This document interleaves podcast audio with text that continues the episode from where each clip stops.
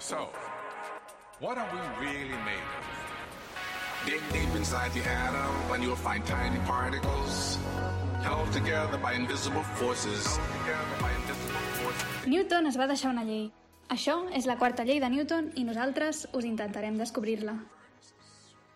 L'any 1987, 100 anys abans de l'any més important per tots els aquí presents, l'Assemblea General de l'Estat d'Indiana, als Estats Units, va estar a punt d'aprovar la llei 246, coneguda popularment com la llei de Pi, un dels exemples històrics més importants d'un intent d'establir una veritat matemàtica per mitjans legislatius.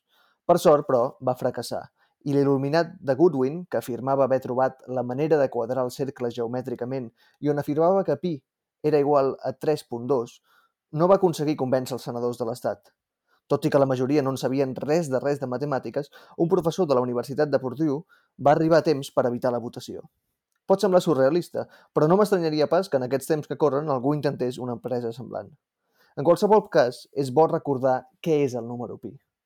El número pi és la proporció entre el perímetre d'una circunferència i el seu diàmetre.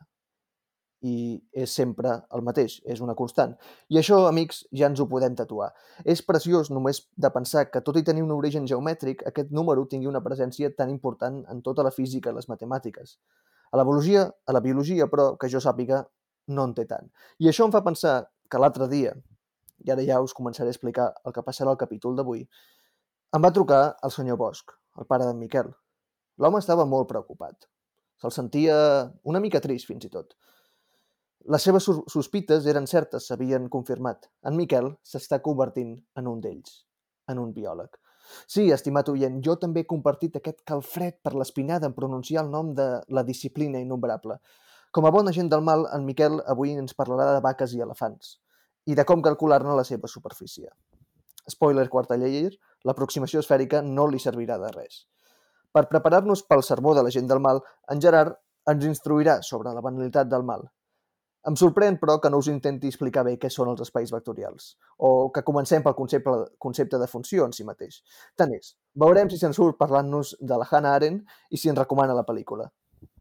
I a veure si algú de nosaltres li diu que això és un podcast de ciència i no de filosofia, però és igual em dirà que la filosofia és una ciència i ho deixarem estar. En acabat, en Pau ens parlarà dels radars i dels seus orígens, i amb això haurem acabat el dia d'avui. Pau, Miquel, Gerard, benvinguts a la quarta llei. Quarta llei, un programa on col·lapsa tot menys la funció dona.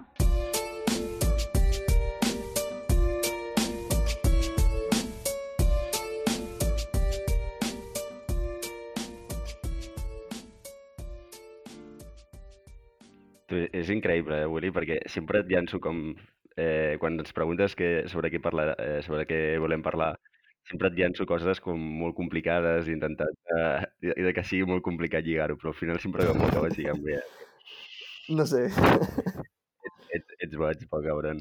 Bueno, què tal? Com esteu, nois? Per Bé, cert, no ens has Ja ho preguntat... sé, ho si anava a havíem- preguntar, però després he estat pensant av- avui, he après alguna cosa les darreres tres setmanes i clar, no trobava una cosa prou guai com per explicar, així que no ho havia preguntat, però us ho pregunto, què heu après a les últimes setmanes, nois? Miquel, Ostres, jo m'hi havia que recordava que ens ho preguntaries i m'ho volia preparar i, i no hi he pensat. Però, mira, per exemple, eh, et puc dir que he descobert una manera de calcular eh, el mòdul de Young d'un gel elàstic. Bastant xuli. Sí, està guai. Si voleu l'explico. No, és igual. No, No. No, eh, eh, jo, jo he descobert que Forest volen fer una pista de pàdel. Que ja l'han fet, tio. Que ja l'han fet. Ja l'han fet, joder. Aleshores no has descobrit res, Gerard. Jo estava mirant ara... poble de Miquel. Jo estava mirant ara, Guillem, que si, si radar es diu radar o radar, ostres, i és, i, i és radar. Pensava que era radar, en català. Si et soc sincer, tampoc me'n recordo molt de com anava la fonètica, i és una paraula fonèticament una mica complicada de llegir. té accent, Aleshores- per això? Uh, no, no, té, no porta accent. No porta accent, eh? No, aleshores... Així doncs hauria de ser radar. radar. Girona, radar. I amb això, i amb això és, és el que s'ha après avui, no, Pau? No, però no és, és radar, eh? La, la R es pronuncia. No sé que siguis balear, que aleshores sí que és radar. Exacte. És, és radar. Tu, Pau, en saps molt d'això de, de mallorquí, no? El que posa, és el que posa al diccionari. Clar, clar, hòstia, ara... Ets mallorquí d'adopció, tu, no, sí, Pau? Una mica? Jo sí, sí, sí. sí. Molt bé. Bueno, nois, Endavant, Gerard. Jo ja Eh, no explico el meu, és igual, que si no trigarem molt. vale. Som-hi. Què has après? Eh, Un moment, Guillem, va, alguna tonteria que hagis après. Jo estava pensant una tonteria per dir que fos més així, que no gaire específica. Una cosa que he après és que mm, és important eh, que la gent... que, no, estimar la gent que, que fa la burocràcia. És a dir, els buròcrates que t'han d'ajudar amb les coses, és important estimar-los i tractar-los bé. Sí, O sigui, no et pots posar xulo. tu creus? Això no, mai. No, has, no, no. Mai. Has de ser el seu amic, sempre, tio. Sí. Ah, no, no sabia què dir-te, eh, tio, perquè aquesta gent normalment um, els importes ben poc, tu. Hmm, ja. És a dir, la, la gent que, que treballa amb, amb, amb coses aquestes de burocràcia, la resta els hi acostuma a suar el pito. Realment Sí, no, però els, hi- els hi agrada que, que, que no tinguis les coses fetes. És com, saps? O sigui, No, clar, o, perquè almenys tinguin, és, és perquè tinguin alguna de poder. És a dir, els Exacte. agrada tenir poder de dir jo sóc l'únic que et pot solucionar aquesta cosa perquè no t'enteres d'una puta merda del que estic fent jo. Sí. Exacte. Però jo crec que si t'han d'ajudar és important, tio, tractar-los bé. O sigui, no, no picar-te i dir, tu, tu, fes-me això, fes-me l'altre. A veure, depèn, eh? De vegades te'n sents i ho acabes fent. clar, perquè però... és un, un tret al peu, vull dir, tampoc eh, mossegues la mà que et dona de menjar, no, Guillem? No, jo no almenys. Però això no, no treu que tota aquesta gent siguin uns desgraciats. Ara és quan em ve aquí tot el, tot el, tot el gremi de Pensa que aquesta gent és la gent que ens escolta, perquè són els que estan allà amb l'ordinador que pim-pam, saps? picant. o sigui, Willy, tu quan, quan has hagut d'anar a fer, per exemple, el visat eh, americà i t'han dit no, no, la foto de carnet que has portat és de 4 centímetres i hauria de ser de Això és 4,2, fotut, eh? tu rius amb una cara, amb una cara d'imbècil i dius, i ara què fem, no? En comptes de És això, però realment el visat americà necessiten 5 per 5 centímetres, que, ja han dit- que no és el... el... No, no és l'habitual, no, no, clar, clar. I això em fa repensar que la primera vegada que vaig anar a fer una fotografia a Madrid pel visat, eh, vaig entrar a la botiga del fotògraf i just sortia un tio, bueno, hi havia un home, un home vell allà amb la seva filla estaven recollint unes fotos que havien anat a revelar i vaig, vaig mirar per sobre el seu, eh, la seva espatlla per veure que, que, que eren les fotos i veig a l'home vestit de la seva, amb el seu uniforme de la Legió i tota la família, vaig pensar. Que dius, ara que dius això, ara que dius això, quan em vaig anar jo a renovar el, el DNI l'últim cop, per, perquè l'havia perdut, no perquè l'havia de renovar, eh, has de demanar cita un altre cop, i jo em pensava que et feien un altre DNI. De manera que vaig anar al Fotoprix, em vaig deixar 10 euros amb eh, tornar-me a fer unes fotos, vaig anar l'endemà amb fotos, li vaig ensenyar la foto i em va dir no, no, que et tornem a imprimir l'altre DNI. Saps? I- Sí, sí, sí, I no amb les fotos a la mà. Sí, sí. Fotoprix? Eh, una empresa que... A mi m'agradaria molt eh, veure algun foto, un, un reportatge periodístic d'aquests d'investigació, rotllo, jo què sé. Eh, Javier Cercas s'ha dedicat durant 5 anys a estudiar el lobby de les fotos de carnet. És a dir, quin tipus d'acord té el govern i les oficines de Policia Nacional amb les botigues de fotografia per tal de només acceptar fotos de carnet. No poden fer una foto allà, no pots portar una foto impresa de casa. Si al final l'escanegen, tio. Vull dir, Sí, sí, No, una però te la, merda. te la pots fer I tu, més- sempre i quan tinguis paper fotogràfic, no? Ah, no, i una merda, i una merda, Pau. Ho vaig No? intentar fa dues setmanes Sí. perquè m'havia de renovar el passaport. Sí, com, com, I és una merda. com, el, és un- o sigui, com el DNI plastificat, no? Que no serveix. Exacte, No, no, exacte. No, és, periodisme És una merda. Ha de sortir... A veure, un moment, espera, espera, espera. Si obrim, si obrim aquest meló, també parlem de per què només et fan pagar amb, amb efectiu allà. Ah, Ja em diràs tu quin problema allà. és que, no, no, i no només això, sinó que t'intenten colar bitllets que ja no estan en circulació. En sèrio? Ah, això ja, Sí, sí, això mi ja, van això ja comença a ser escolta, secció del Miquel de l'any ja passat, eh? De... No li vaig dir, clar, clar, li vaig dir, xata, nena, que... que Negacionista en out of context. Xata, aquest bitllet de 20 el quedes. I es va fer la, sorpre la sorpresa de no, no, no, No, no, no.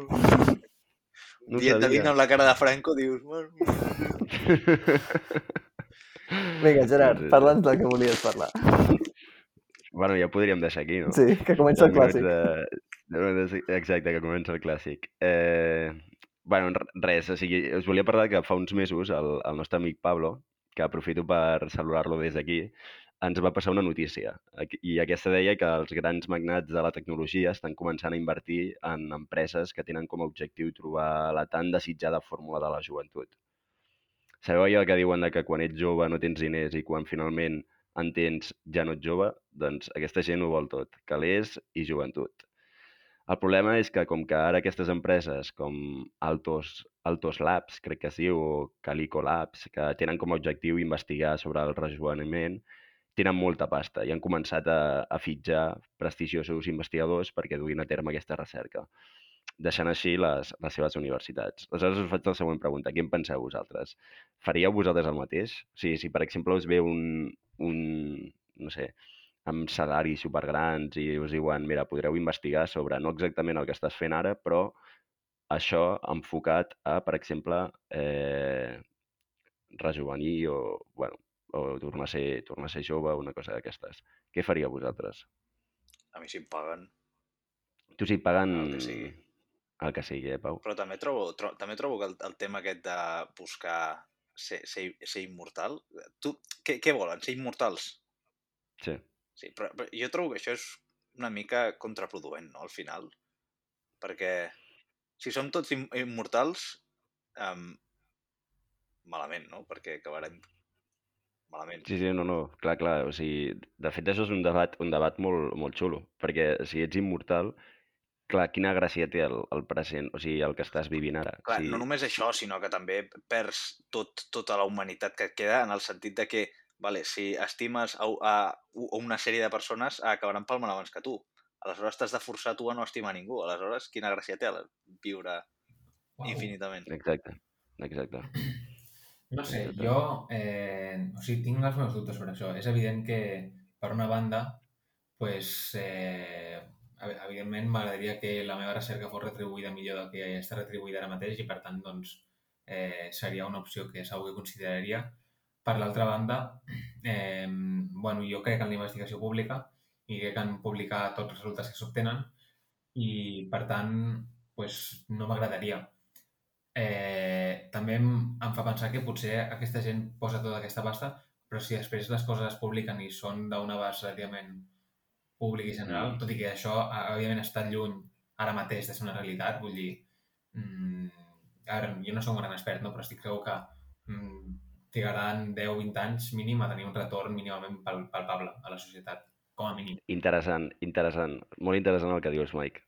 Molt. Eh, Willy, vols afegir Jo vull afegir que el Miquel sembla, o sigui, sembla que amb el que dius que la, les publicacions que hi ha ara d'universitats públiques eh, siguin obertes i expliquin tot el que fan i jo crec que no és així, que ha, o sigui, tot, els, tot investigador doncs, s'amaguen les seves cosetes perquè als altres no, no els sigui tan fàcil eh, fer el mateix que has fet tu, saps? O sigui, sí, en temes de- d'experiments i tal, els truquis, o sigui, que hi ha coses que no, encara que sigui eh, financiada públicament, no, l'ètica de, dels investigadors no, no sempre hi, Ja. impoluta i hi ha coses que no es diuen. És veritat, és veritat que potser no hi ha...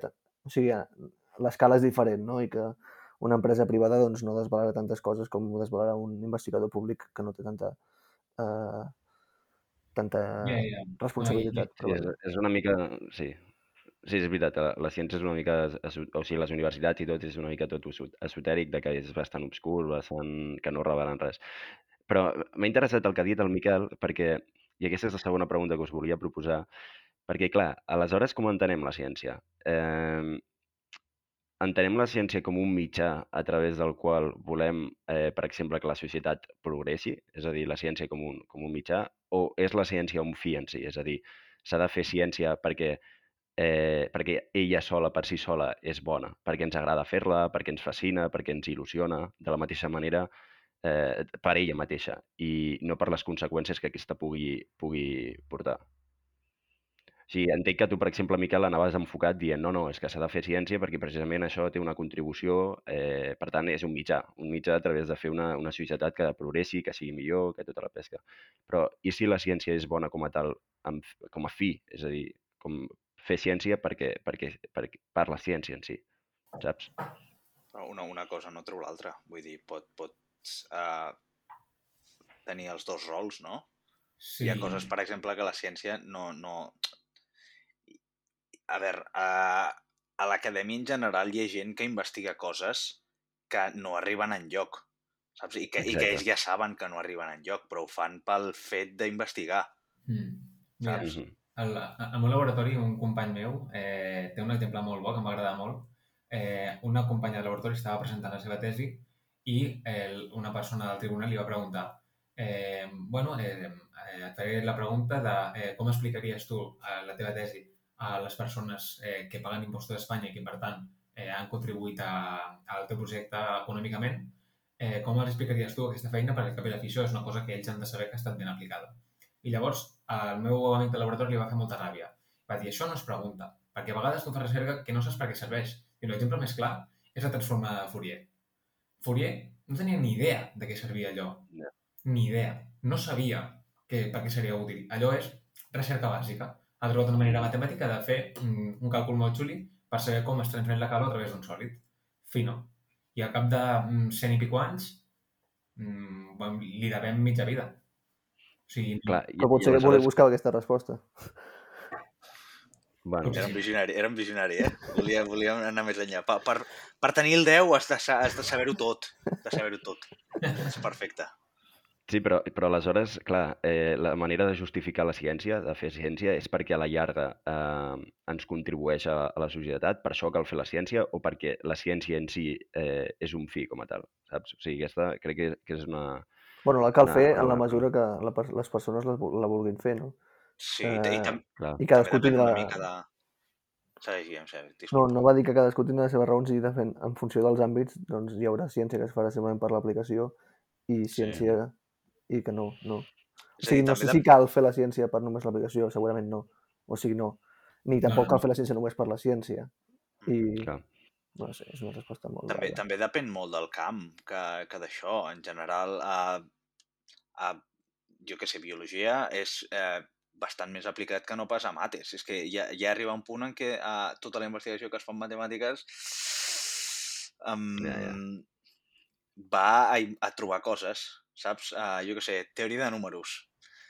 Que sí, que uh, igual d'aquí mm, 2.000 anys pot servir d'alguna cosa, al igual que també, um, jo que sé, seguir investigant cosmologia o algunes coses, però ara mateix Sí, sí. O, Això o el que és- jo faig, el que jo faig, o sigui, àtoms freds i tal, o sigui, clar, la gent pregunta, però això quina implicació, quina aplicació té? I dic, hòstia, jo què sé, a vegades els hi, els hi trec que, bueno, que la superconductivitat doncs, serveix per fer els trens que, que no tenen fricció i, per tant, poden anar eh, més ràpid, coses així, però, però sí, sí, o sigui, és una pregunta trampa. En qualsevol cas, eh, el que sí que podem dir és que la ciència implica unes conseqüències, ja, si- ja siguin aquestes buscades, per tant considerant la ciència com a mitjà, o no buscades, però que acabin sorgint indirectament al considerar aquesta com, com a fi. És a dir, la ciència té un impacte sobre la societat. Quan una empresa d'armament militar investiga sobre noves maneres de, manar, de matar persones, està fent ciència, de la mateixa manera que se'n fa al CERN. I aquí és on volien parar. Darrere la ciència crec que hi ha una ètica també, que no es pot separar d'aquesta.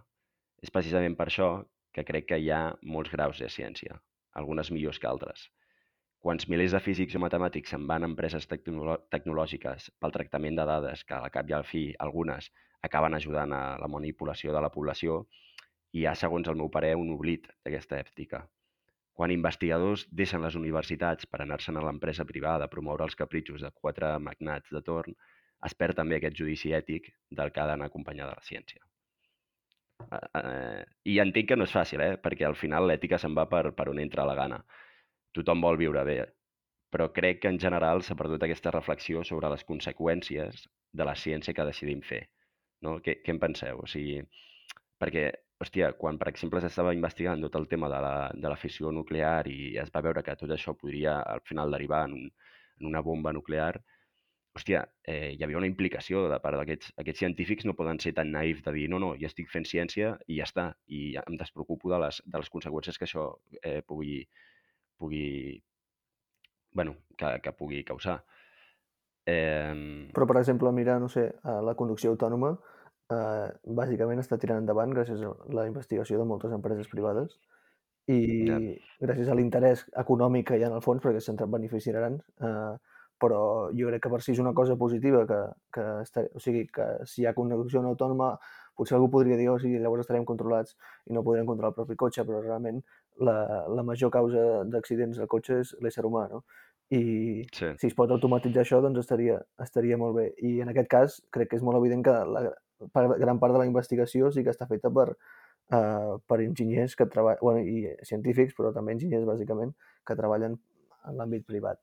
Sí, sí, Llavors, sí. entenc que, en aquest cas, per exemple, a mi no em sembla malament, saps? Sí, sí, no, jo, jo, estic d'acord amb, amb no demonitzar l'empresa privada com a un lloc on no es pot fer recerca vàlida. Eh, I el, el que dius és un molt, molt bon exemple. Evidentment, les implicacions ètiques de conducció autònoma no són les mateixes que altres exemples que ha donat el Gerard. Jo subscric totalment el discurs que estava fent el Gerard amb el mateix que comenta el Guillem. Estic molt d'acord amb vosaltres. Però que aquí també hi ha una jerarquia, Gerard, amb el que dius tu de, de l'ètica darrere la ciència. Perquè em sembla que posis al mateix nivell la gent que se'n va a una empresa privada amb la gent que està estudiant armaments militars, Ja. saps? No, no, no, sí, però no, no, simplement el que dic, clar, clar, no, no, són exemples diferents, però simplement el que dic és que, hòstia, que al tanto, perquè no podem ser tan, tan tontos o tan... bueno, ara, ara en parlaré més, però de, de dir, no, no, jo faig ciència i, bueno, el que, el que amb això es faci, doncs, bueno, més indiferent, no? O sigui, perdre aquest judici ètic, que crec que a vegades es perd, que mentre tingui algú, doncs, mentre em paguin bé i mentre allò, doncs, jo vaig fent, doncs crec que, crec que és important també fer-lo. Ah, un moment, un moment. Deixa'm parar-te aquí un moment, com, Digue'm. com fan tots els uh, professors. Let me stop you for a second. Uh, no sé vosaltres, però a mi almenys m'obliguen a fer un curs d'ètica durant el doctorat. Ah, sí? Hòstia. I a vosaltres no? No, que va. No, Ah, no. ah vale. Bueno, pues, T'anava a dir I- això, i- que, que hi ha gent que... Ah, bueno, això jo crec que s'hauria de fer. Eh, Sí, Però sí, va, joder. Després, jo també, una, una cosa, la, vali- la, la utilitat d'aquests cursos és que es depèn de com se l'aprèn cadascú, perquè si te l'aprens Sí, allà sí, com la, sí, sí, el sí, curs però tonto, també, també, es poden, també es poden tapar el cul dient que ah, jo t'he obligat a fer això, després ja el que tu facis ah, és una altra, una altra història. I, Mm. Però almenys t'obliguen a fer-ho. I, i l'has començat, el curs aquest? O... Ah, no, no, encara he de fer tots els meus cursos, però això ja, Ja. ja vindrà més endavant. D'acord, d'acord. Interessant. bueno, en qualsevol cas, deixeu-me posar-vos un exemple de- d'un cas, concre- bueno, d'un cas que, que segur que coneixeu, que, que crec que es va perdre aquest judici. I és que, eh, com bé ha dit el, el Guillem, ho, ho has hagut de buscar, allò de Hannah Arendt, o, o ja Ho he buscat, sí, però em sonava, Ho però ho he buscat, buscat, eh? Doncs Hannah Arendt va ser una de les pensadores més brillants del segle passat. Ella era jueva i d'Alemanya i, i, bueno, és per això que va veure de primera mà el que va ser el nazisme. Més endavant va voler analitzar què era el que havia portat a tota una població a fer tot el que van fer. En concret, va presenciar el judici a Jerusalem que el Mossad va fer a Adolf Eichmann. Crec que es pronuncia així, però, però no en tinc idea. Adolf eh, Eichmann, eh, Eichmann perdó, eh, s'encarregava del transport de jueus, des de les ciutats fins als camps de concentració. Eichmann era un tio de lo més normal, inclús cul- culte. Només es preocupava de fer la seva feina. Bé, que era enviar aquests jueus fins als camps de concentració, i era el que li havien manat. Mai va anar més enllà. Això és el que Arendt va anomenar com la banalitat del mal. Quan una població es centra únicament en allò individual, en allò propi, en allò que els grecs anomenaven idio, quan no es veu la imatge global, quan els arbres t'impedeixen veure el bosc, quan la societat es torna allò que també anomenaven els... bueno, eh, quan els, el, els arbres t'impedeixen veure el bosc, és quan la societat es torna allò que també anomenaven els grecs com a idiota, que ve- de- d'aquest prefix de- d'idio, de lo propi. Quan passa això, la responsabilitat global queda diluïda en les petites accions que tothom fa inconscientment per una causa general. Mentre tinguis el teu sou, la teva casa, el teu cotxe, què més importa? Al cap i a la fi, Eichmann només transportava jueus des de les seves cases fins al camp d'extermini. Amb això no vull comparar el nazisme amb les empreses que utilitzen la ciència com a mitjà per a interessos personals. Simplement volia assenyalar que si la ciència que fem no va acompanyada d'una ètica, d'aquest judici ètic, si només ens preocupem dels diners i de tenir una vida plaent sense cap mena de judici, estem destinats a ser uns perfectes idiotes. Científics, però idiotes. Oient, desperta! I Desperta! amb això, i amb això ja estaria, que crec que vaig passadíssim de temps. Mama, ¿para qué serveixen les matemàtiques? Doncs no ho sé, fill, però per això segur que no. Jo m'esperava que el Gerard tragués el tema de, de la- de, de l'experiment de la presó de, de Stanford. Ah, sí, de, de Però en Stanford. podem parlar un altre No, dia, perquè si no trigarem molt. Però mira, m'has Com- donat, m'has donat una bona Com idea. deien en grec, Pitagores.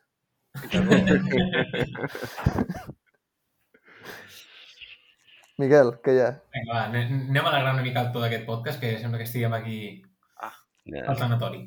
Eh, jo avui, senyors i senyores, començo fent d'influencer. Molts m'heu estat preguntant eh, com calcular la superfície d'un elefant. Així que us porto la resposta.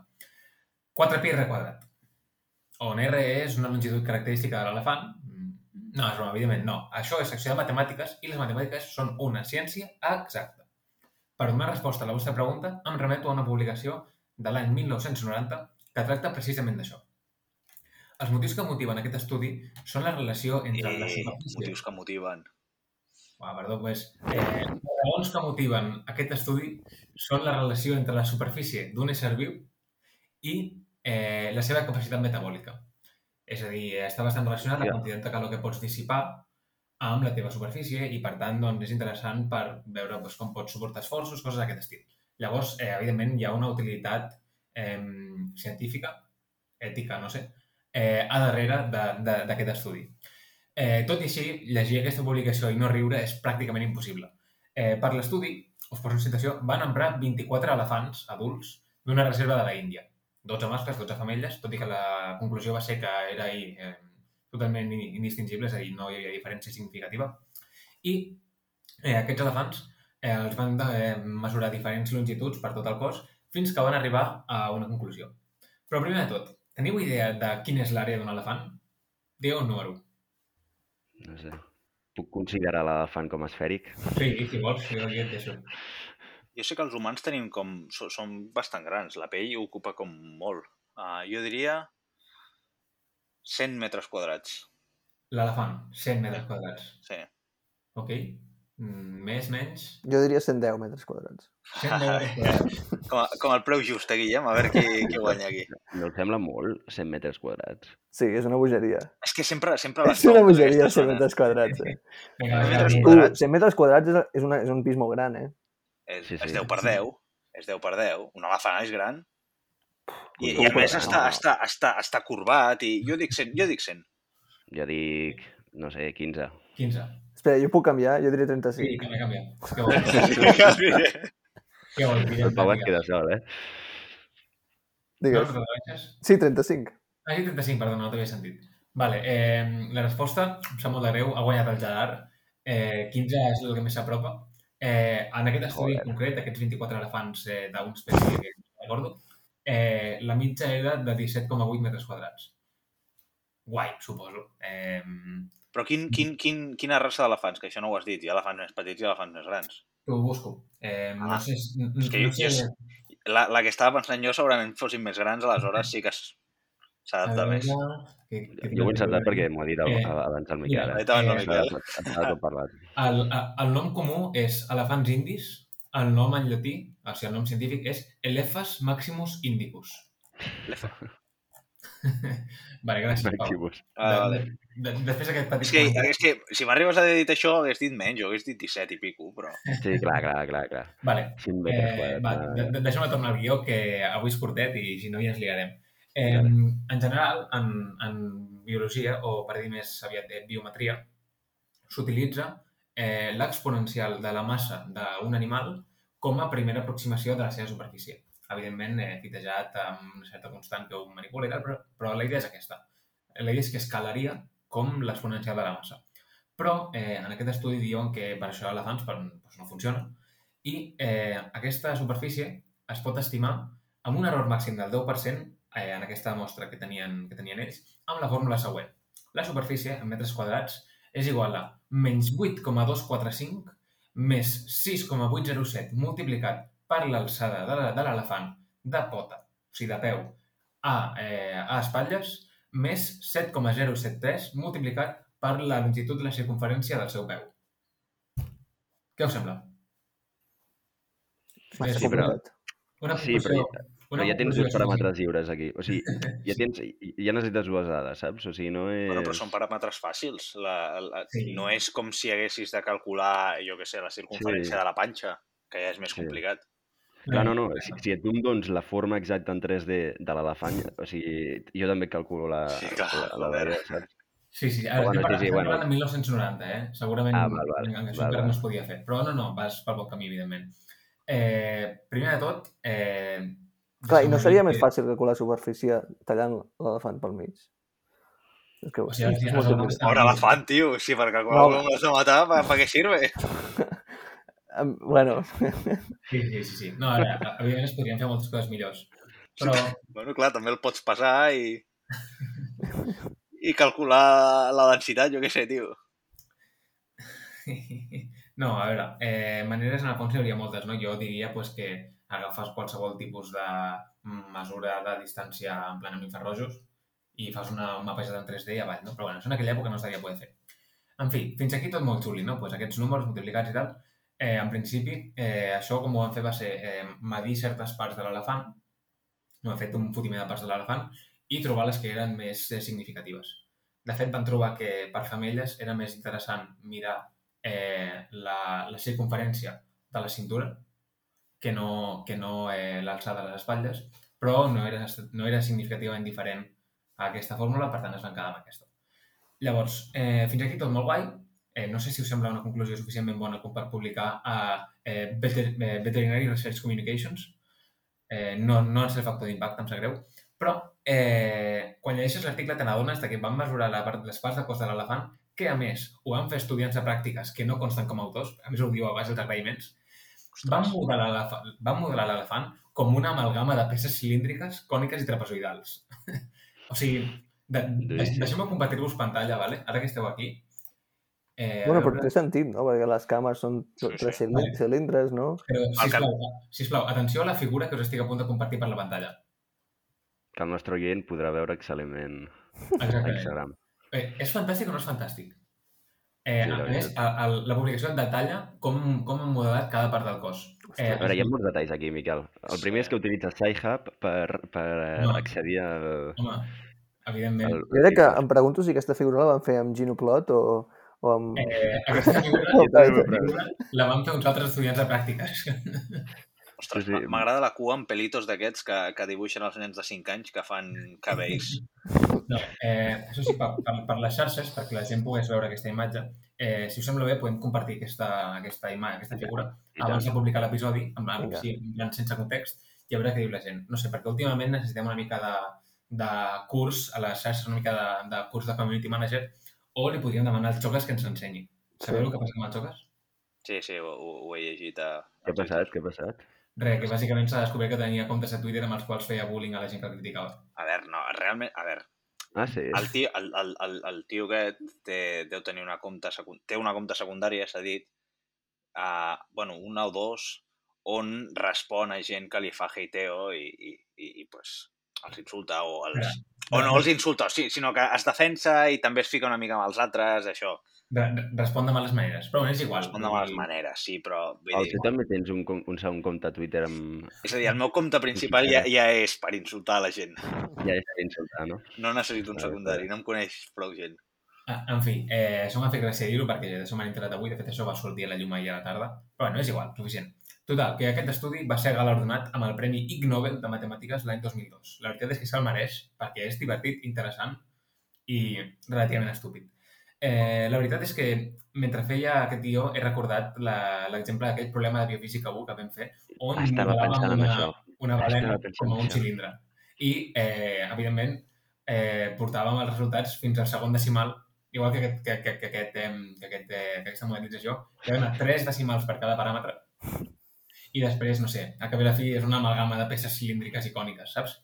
Però, eh, és, és a dir, així com, com ho faries numèricament, al cap i a la fi? Tens l'elefant i el talles en trossets. No, no, però, però la gràcia d'aquell exercici és que estàvem o sigui, aproximant una balena amb un cilindre.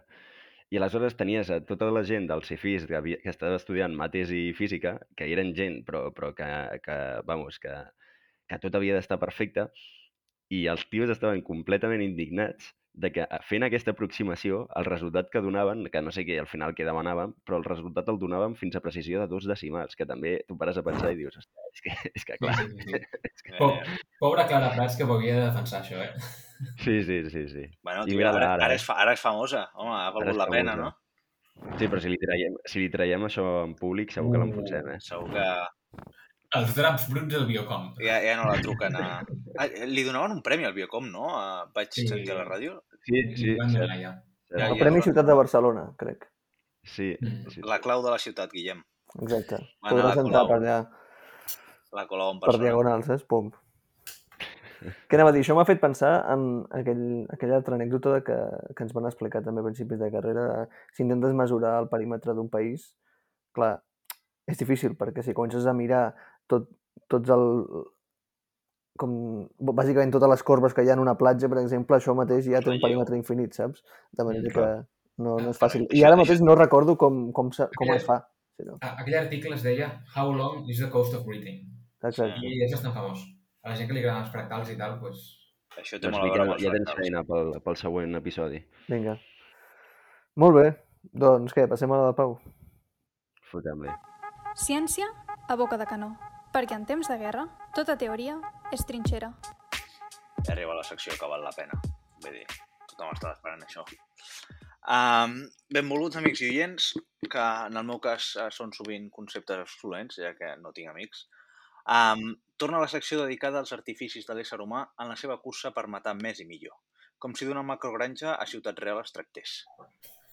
Després, uh, després d'unes setmanes d'inexplicable ausència, resona de nou, ressona de nou l'entradeta que us escalfa l'ànima i us fa de manta en un vespre d'hivern on és massa car posar la calefacció. I és que passar fred, en general, t'ha sobrevalorat, oi que sí? Perquè és que quins temps ens ha tocat viure, eh? Qui ens hauria dit que el preu de la gasofa s'enfilaria als quasi dos euros? I aquí és, és on podria insertar el, el mem del, del Paul Rudd dient uh, not me. Sabeu, sabeu quin mem és? No, no sabeu quin mem és. No sé més, En fi, sí, la gent que m'escolti ho sabrà, perquè segur que són més, més alfabets que vosaltres. Um, la qüestió és que està quedant uh, bastant patent que no estem sortint millors de la pandèmia. Sí, més subnormals potser sí, però no millors. El tema d'avui de la secció uh, no solucionarà els problemes que tenim actualment, um, però sí que va ajudar a prevenir d'altres que haurien estat molt pitjors. És probable que sigui reconegut més per la seva infama aplicació per part d'aquest organisme parasitari xupòpter anomenat Servei Català de Trànsit, que intenta omplir les arques de multes amb multes a la gent que normalment doncs, eh, pateix excessos de testosterona. Em refereixo, evidentment, al radar. O radar. Li diré radar. Guillem, que Vale. radar, no? Sí. Sí. Jo pensava que era radar. Però crec que les illes radar. Radar. Jo li diré radar i, i, i si salt... Bueno, si algú Per cert, radar és una paraula palíndroma. És un palíndrom. Bueno, igual que sugus. Sí, però... És que... Gràcies, gràcies, Guillem. Puc seguir? Sí.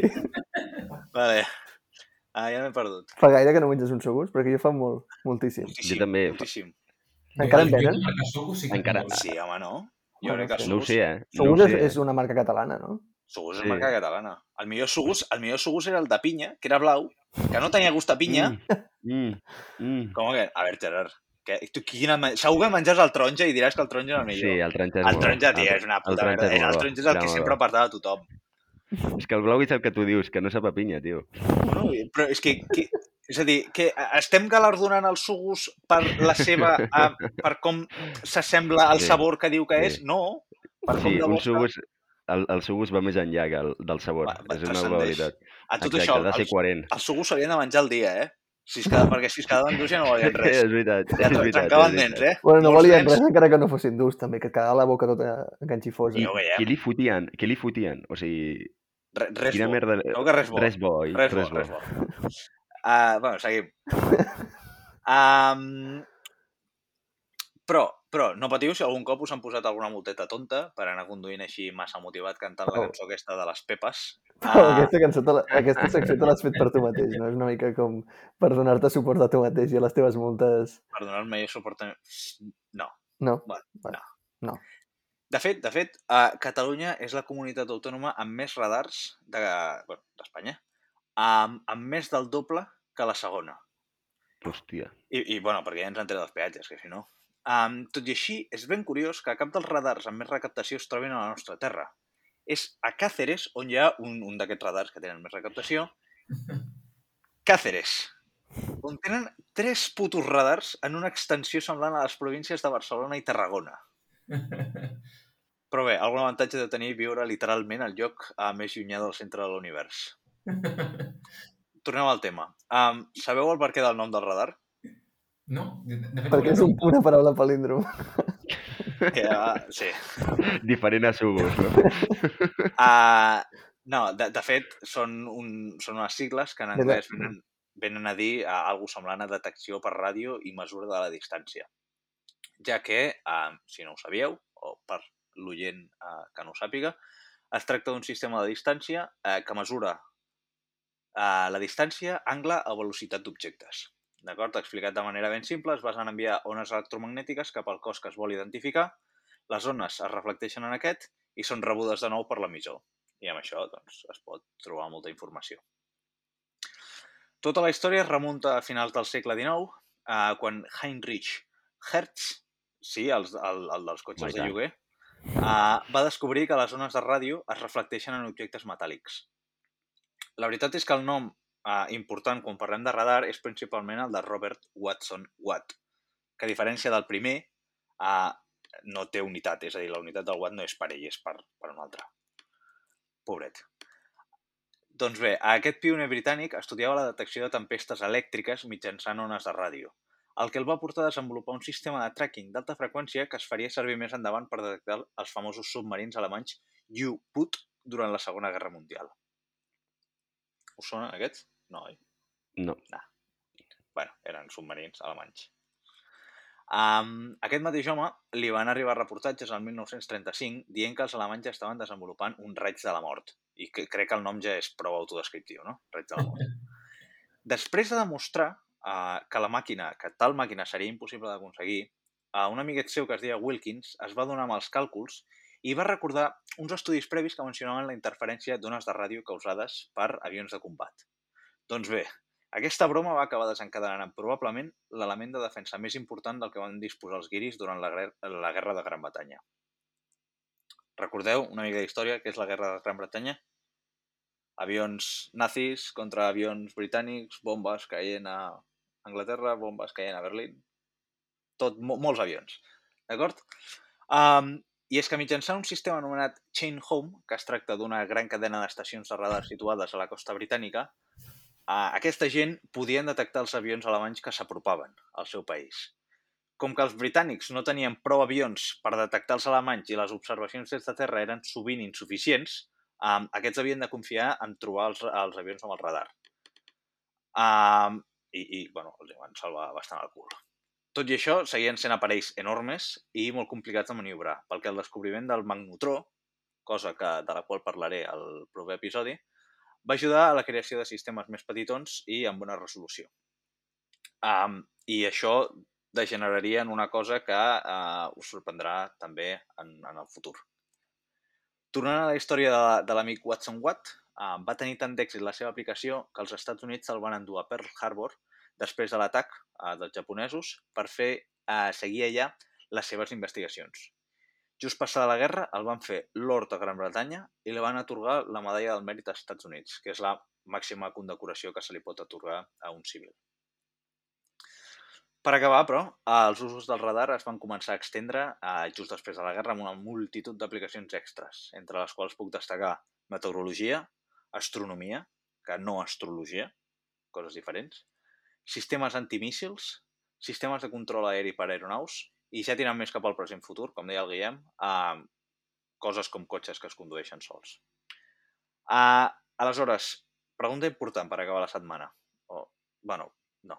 Pregunta important per acabar l'episodi, que no sé llegir. Quantes multes us han posat a cadascun? De, de veritat, ho he de dir. Si et fa vergonya, no. Miquel, va. A mi Estem m'han en família. Veure, Miquel, jo, jo si vols et puc dir que a mi m'han posat dues multes. Em fa una mica de vergonya també admetre perquè no són de les de córrer molt, són multes de llocs de, de 70-80 que anava com, rotllo, un quilòmetre més per hora del límit. Igual devia anar a 80 en una zona de 70 o alguna així. I això és una merda, perquè rotllo, si posen una multa prefereixo anar a, a 400 per hora a una zona de, de 120. No, ara, la, les meves també són totes d'aquestes, eh? Vull dir, d'anar una mica més ràpid del que es podia, rotllo eh, 110 quan s'havia d'anar 100, coses així, però crec que ara n'he acumulat 5. En 5 els- multes ja, collons.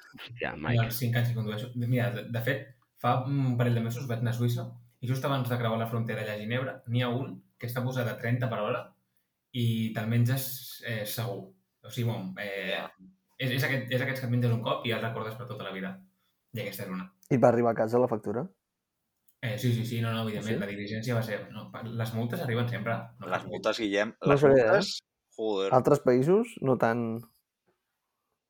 Ah, en, quan vaig estar jo als Estats Units en- ens van posar una multa allà i ens va arribar a casa a Què Barcelona. dius? Ah, sí? Joder, sí.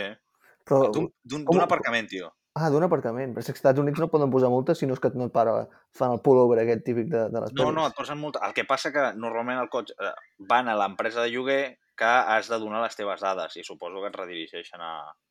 també en la Doncs. multa aquí. Però bueno, uh, no passa res, Miquel, tu condueixes molt, t'ho perdono. Jo t'ho perdono.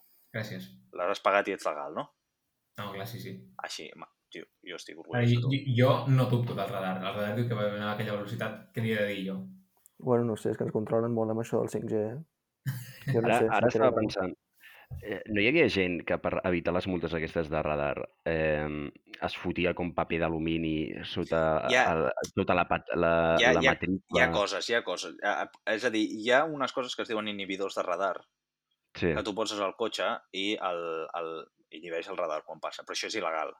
No sí, sí, sí, això és il·legal, sí. D'acord? Però hi havia Ah, gent que, que era tan estúpida que feia això, que diu, no, no, clar, com que és una ona magnètica, si poso un paper d'alumini rebotarà, i aleshores, eh, que precisament aquesta és la gràcia, que reboti, però la gent es pensava, no, rebotarà i no, i no detectarà el meu cotxe, Jo, saps? jo el que sé és de, de gent que a, això em sembla que m'ho va explicar el meu tiet, que va veure a la, a la ronda, ha, a, la ronda, a les rondes de Barcelona hi ha alguns radars por ahí ficats. Uh, gent que va amb moto ràpid i quan passa el radar, amb la mà fa raca i tapa tota la matrícula. Saps? Ja. Perquè les motos només porten matrícula darrere. Saps? I, i, Però, però l'habilitat que has de fotre és... però, bueno, si portes un acompanyant, li dius que faci així i ja està. Ja, ja. Jo havia sentit que una manera de, de tapar, perquè clar, el radar funciona però després et fan la foto, i la foto és la foto. Si no hi ha foto no, no et poden dir res, no? Uh, una manera, no ho he comprovat mai i total, sem- sembla totalment una tonteria, però que feien servir com laca i la posaven a, a, a la Ah, sí, matrícula per sí, tal que sí, no, la sí, foto no es veiés bé, però Exacte. realment Però no si sé para- ben bé què fa això. si et para la poli, en principi et revisen les, les matrícules. Um, si veuen alguna cosa rara, em sembla que se't cau el pèl, també, no? Sí, Perquè sí, sí, sí, sí. l'has de portar aquí molt ben posada. Tot i així, tot i així creieu que és un bon sistema, el dels radars, per uh, controlar... Uh, per, és per controlar velocitat o... Perquè crec que hi hauria sistemes més eficients per lo de um, combustible i no ser tan contaminant. D'acord? En, en canvi, um, per exemple, hi ha zones a Espanya que el límit a 120 és una tonteria, perquè si vas en, hi ha carreteres molt rectes quan vas per, la, per Espanya central, Mhm. De, de Càceres? fet, a Alemanya, a Alemanya no hi ha, no hi ha límit, no? Depèn de quina i de el, les i carreteres. el, i el, el ràtio de- d'accidents és molt més, baix, molt més baix a Alemanya que no pas a Espanya. Aleshores, això vol dir que no està associat amb tenir un límit de velocitat a un altre. Sí, però crec que també va relacionat amb la contaminació. Si vas més ràpid, eh, contamines més, no? Sí, però, és a dir, ah, pots modificar això d'alguna manera. És a dir, no, no crec que sigui la manera més eficient baixar el límit de velocitat per a reduir la contaminació. Saps què vull dir? Sí, sí, sí. I després, per què hi ha, per què hi ha tants radars? És que igual tens 300, 400 radars a tota Catalunya, I en van afegint més, eh, cada any, no? distribuint por ahí en- entre radars fixes i mòbils. És que és, que és, una, és, que és una bogeria, tio. Què sí, dius? sí. Tota, la, tota la gent que treballa, els científics que treballen en radars, quina ètica té aquesta gent? Si no fer cap mena de judici de dir, escolta, Ja, exacte. eh, És una pregunta interessant. Jo també trobo que de, uh, és, i això amb altres coses, no? fins a quin punt has de retribuir o, uh, o, o desincentivar, en aquest cas, econòmicament, una, una acció dolenta o bona. No? És com, si vols que reciclin, dona, com allò que fan a Alemanya, no? que si tornes les ampolles et tornen els diners. Fins a quin punt vols que la gent recicli pel fet de, de que tindrà una, una retribució econòmica o no i, i això. Però bueno, veig que el Gerard diu que ja és hora d'anar a veure Gerard, el Gerard se Així que ens n'anem. el Gerard té ganes de marxar. Que tingueu una bona setmana. Merci, nois. I Abraçades. merci a la Núria, com està sempre, bé. I Ah, merci a la Núria, gràcies a la espectacle. Núria. Important, Vinga. això. que és mallorquina. I fins aquí la quarta llei. Ni rigor ni consistència.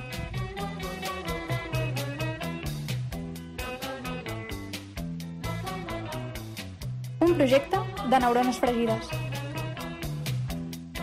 Segueix-nos a les xarxes, arroba la quarta llei.